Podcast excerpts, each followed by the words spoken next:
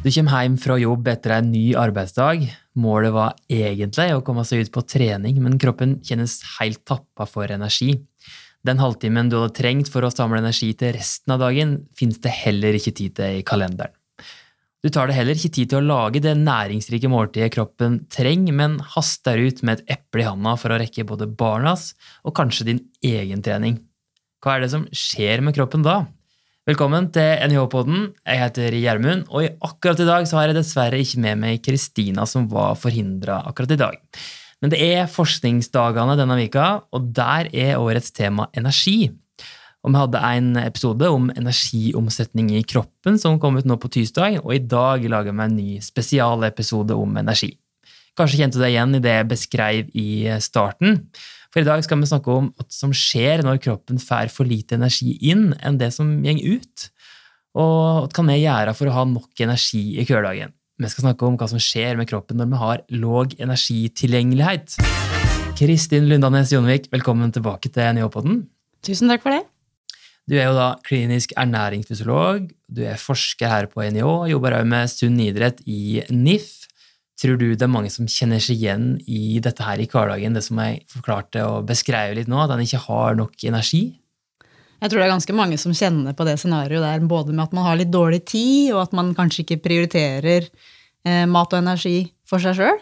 Det er jo veldig forskjell da, på hvem man er. Om man er en som har en veldig stillesittende jobb og ikke trener så mye, eller om man er på farten hele tida og trener hver dag og gjerne skal rekke både egentrening, men også følge opp ungenes trening som mamma eller pappa trener osv. Da kan det være litt vanskelig å få det til å gå opp. Ja, det kommer jo helt an på åssen hverdagen har der, og at han har lyst til å få inn i denne hverdagen. da. Du må fortelle litt hva som skjer i kroppen når en kjenner at energien ikke strekker til, og det er det skyldes. Mm. Det er jo sånn at eh, kroppen trenger energi for alt den skal få til. Både hjernen vår som skal funke, og vi skal tenke og konse på ting, og kroppen vår i form av muskler og eh, den energien vi bruker egentlig til at kroppen skal fungere, da. Den må vi ha, og den må være tilgjengelig her og nå når du faktisk trenger den. Så hvis du da har putta litt for lite energi på tanken, og at du har spist litt lite, så vil du jo merke ikke bare at blodsukkeret faller, men at du også føler at du har lite energi, du føler deg slapp og sliten, eh, konsentrasjonen kan forsvinne. Eh, du kan også på trening merke at du får mindre respons, at du ikke får til det du vil. Mm. Mm. Ja, da handler vel det om låg energitilgjengelighet, da, som vi var så vidt innpå. Kan du forklare det begrepet litt nærmere? Mm. Det er et ganske teknisk begrep, egentlig, for mange har jo hørt om energibalanse. At eh, det du putter i kroppen, skal gjerne være i balanse med, med det du forbrenner av totalt eh, energi. Eh, og, og, at det skal være en likevekt da, mellom input og output. Mm. Eh, det som handler om energitilgjengelighet, er egentlig det som er tilgjengelig for kroppens normale funksjon. Så det betyr at eh, du må trekke fra det du forbrenner på trening. Så hvis du putter i deg masse energi, spiser masse energi, totalt energiinntak, og trekker fra den energien du bruker på trening, så sitter du igjen med en pott energi som kroppen skal bruke til sin normale funksjon. Og det er den energien som er tilgjengelig. Og da, hvis en da får lite tilgang på mat da, i løpet av en arbeidsdag, og ikke har tid til å få i seg den gode lunsjen som en kanskje vet at en trenger, da kan det påvirke negativt? Mm.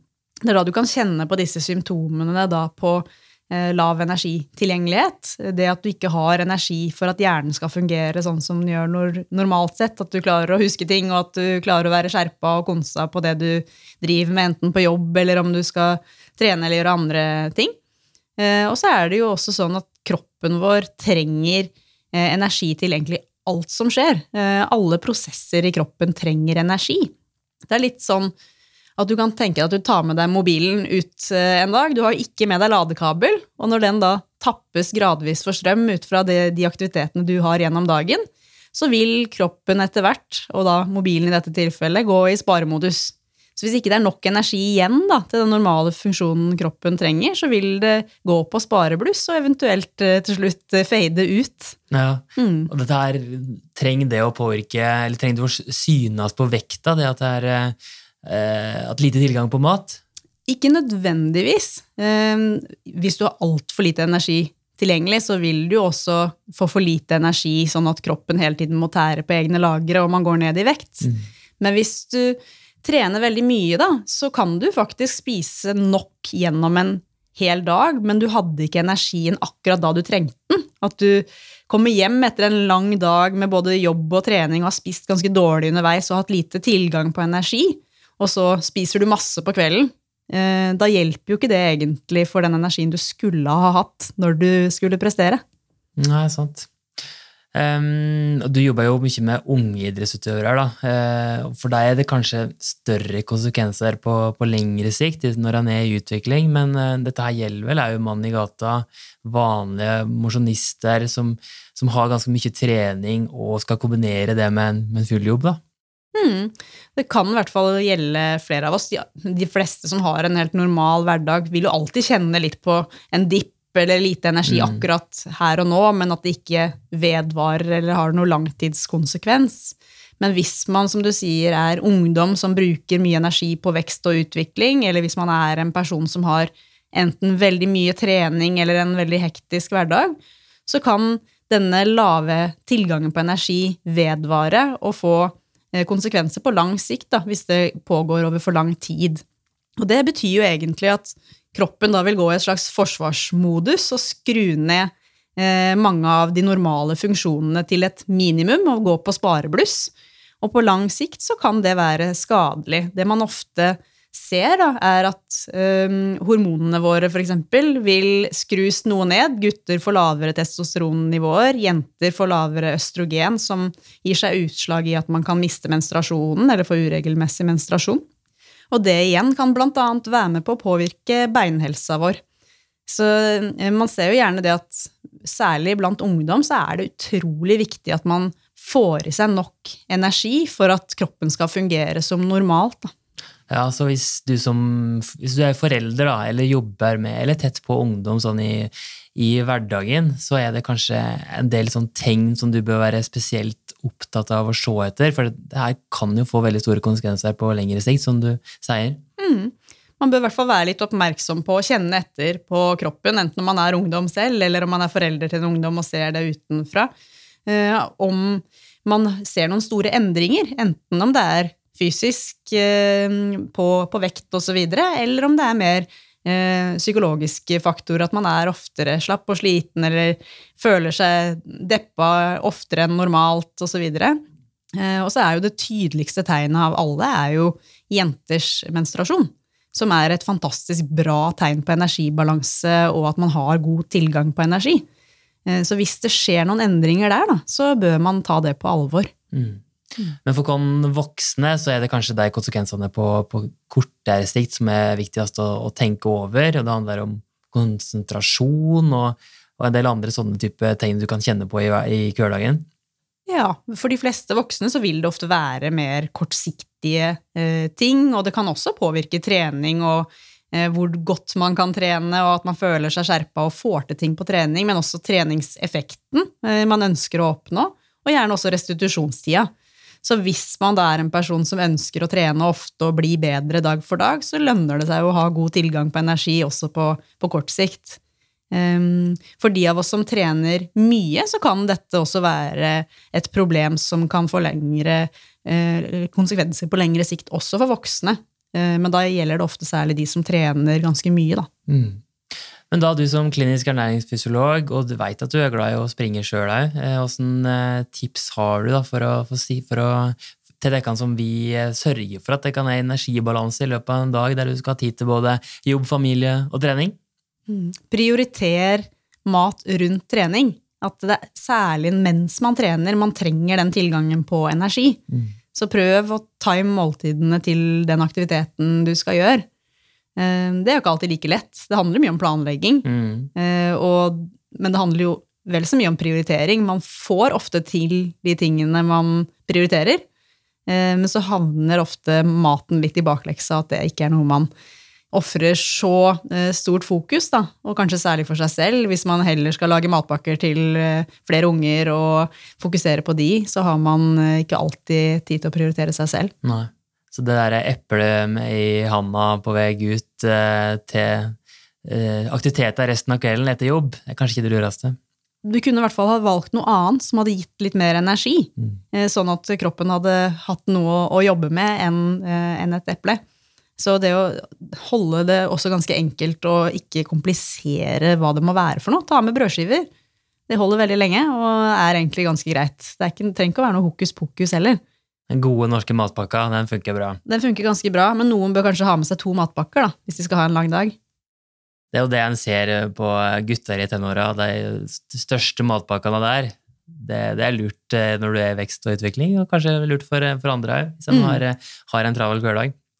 Vi har fått litt lytterspørsmål til NIH-podden i dag òg. En kan jo sende inn spørsmål på Instagram-profilen NIH-podden. Det takker vi veldig for. Her er et spørsmål om, eh, om egentlig konkurranser. Da. Hva bør en ete rundt eh, løping på 10 km, 21 km, 45 km, ultramaraton, før, under og etter? Det er jo et stort spørsmål, eh, Kristin, men har du noen generelle tips til, til innsender her?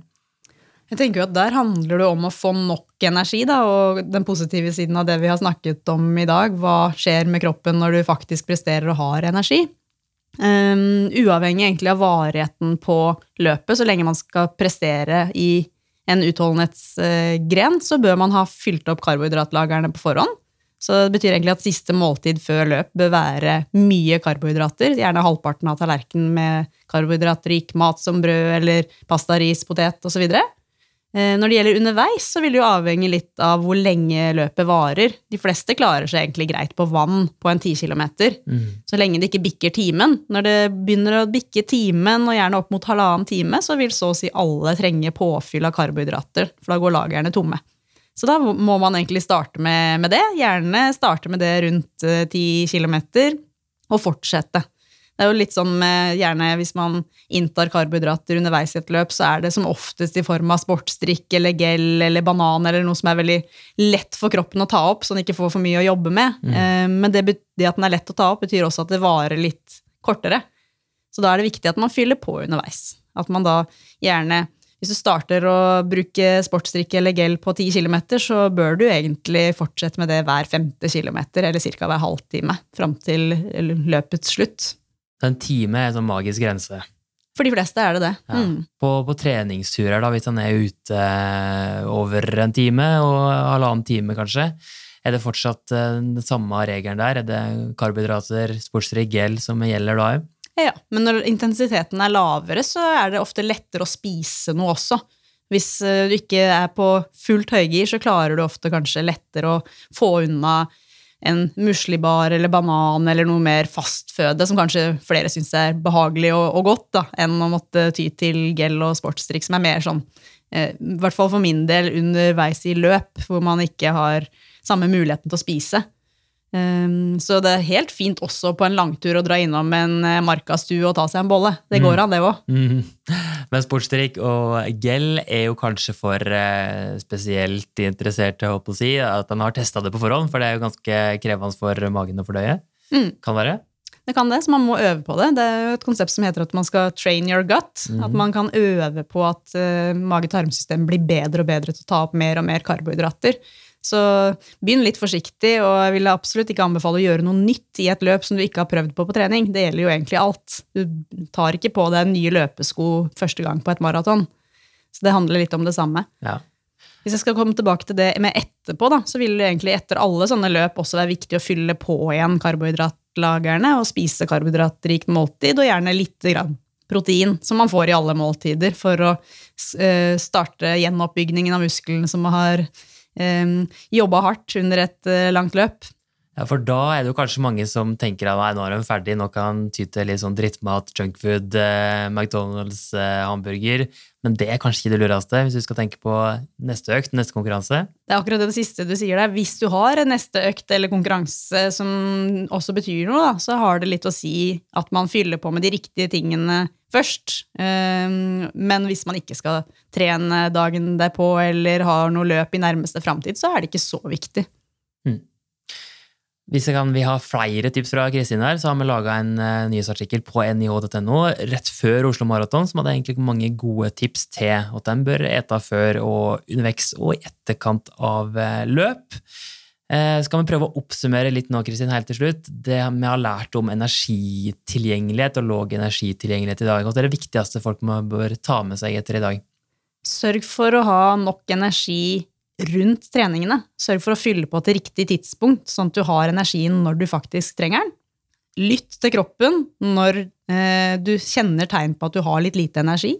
Og gjør noe med det dersom du selv eller har en ungdom i hus som viser til å ha tegn på lav energitilgjengelighet, og ikke la det gå for langt. Bra, for det kan få konsekvenser hvis det her pågår over lengre tid. Absolutt.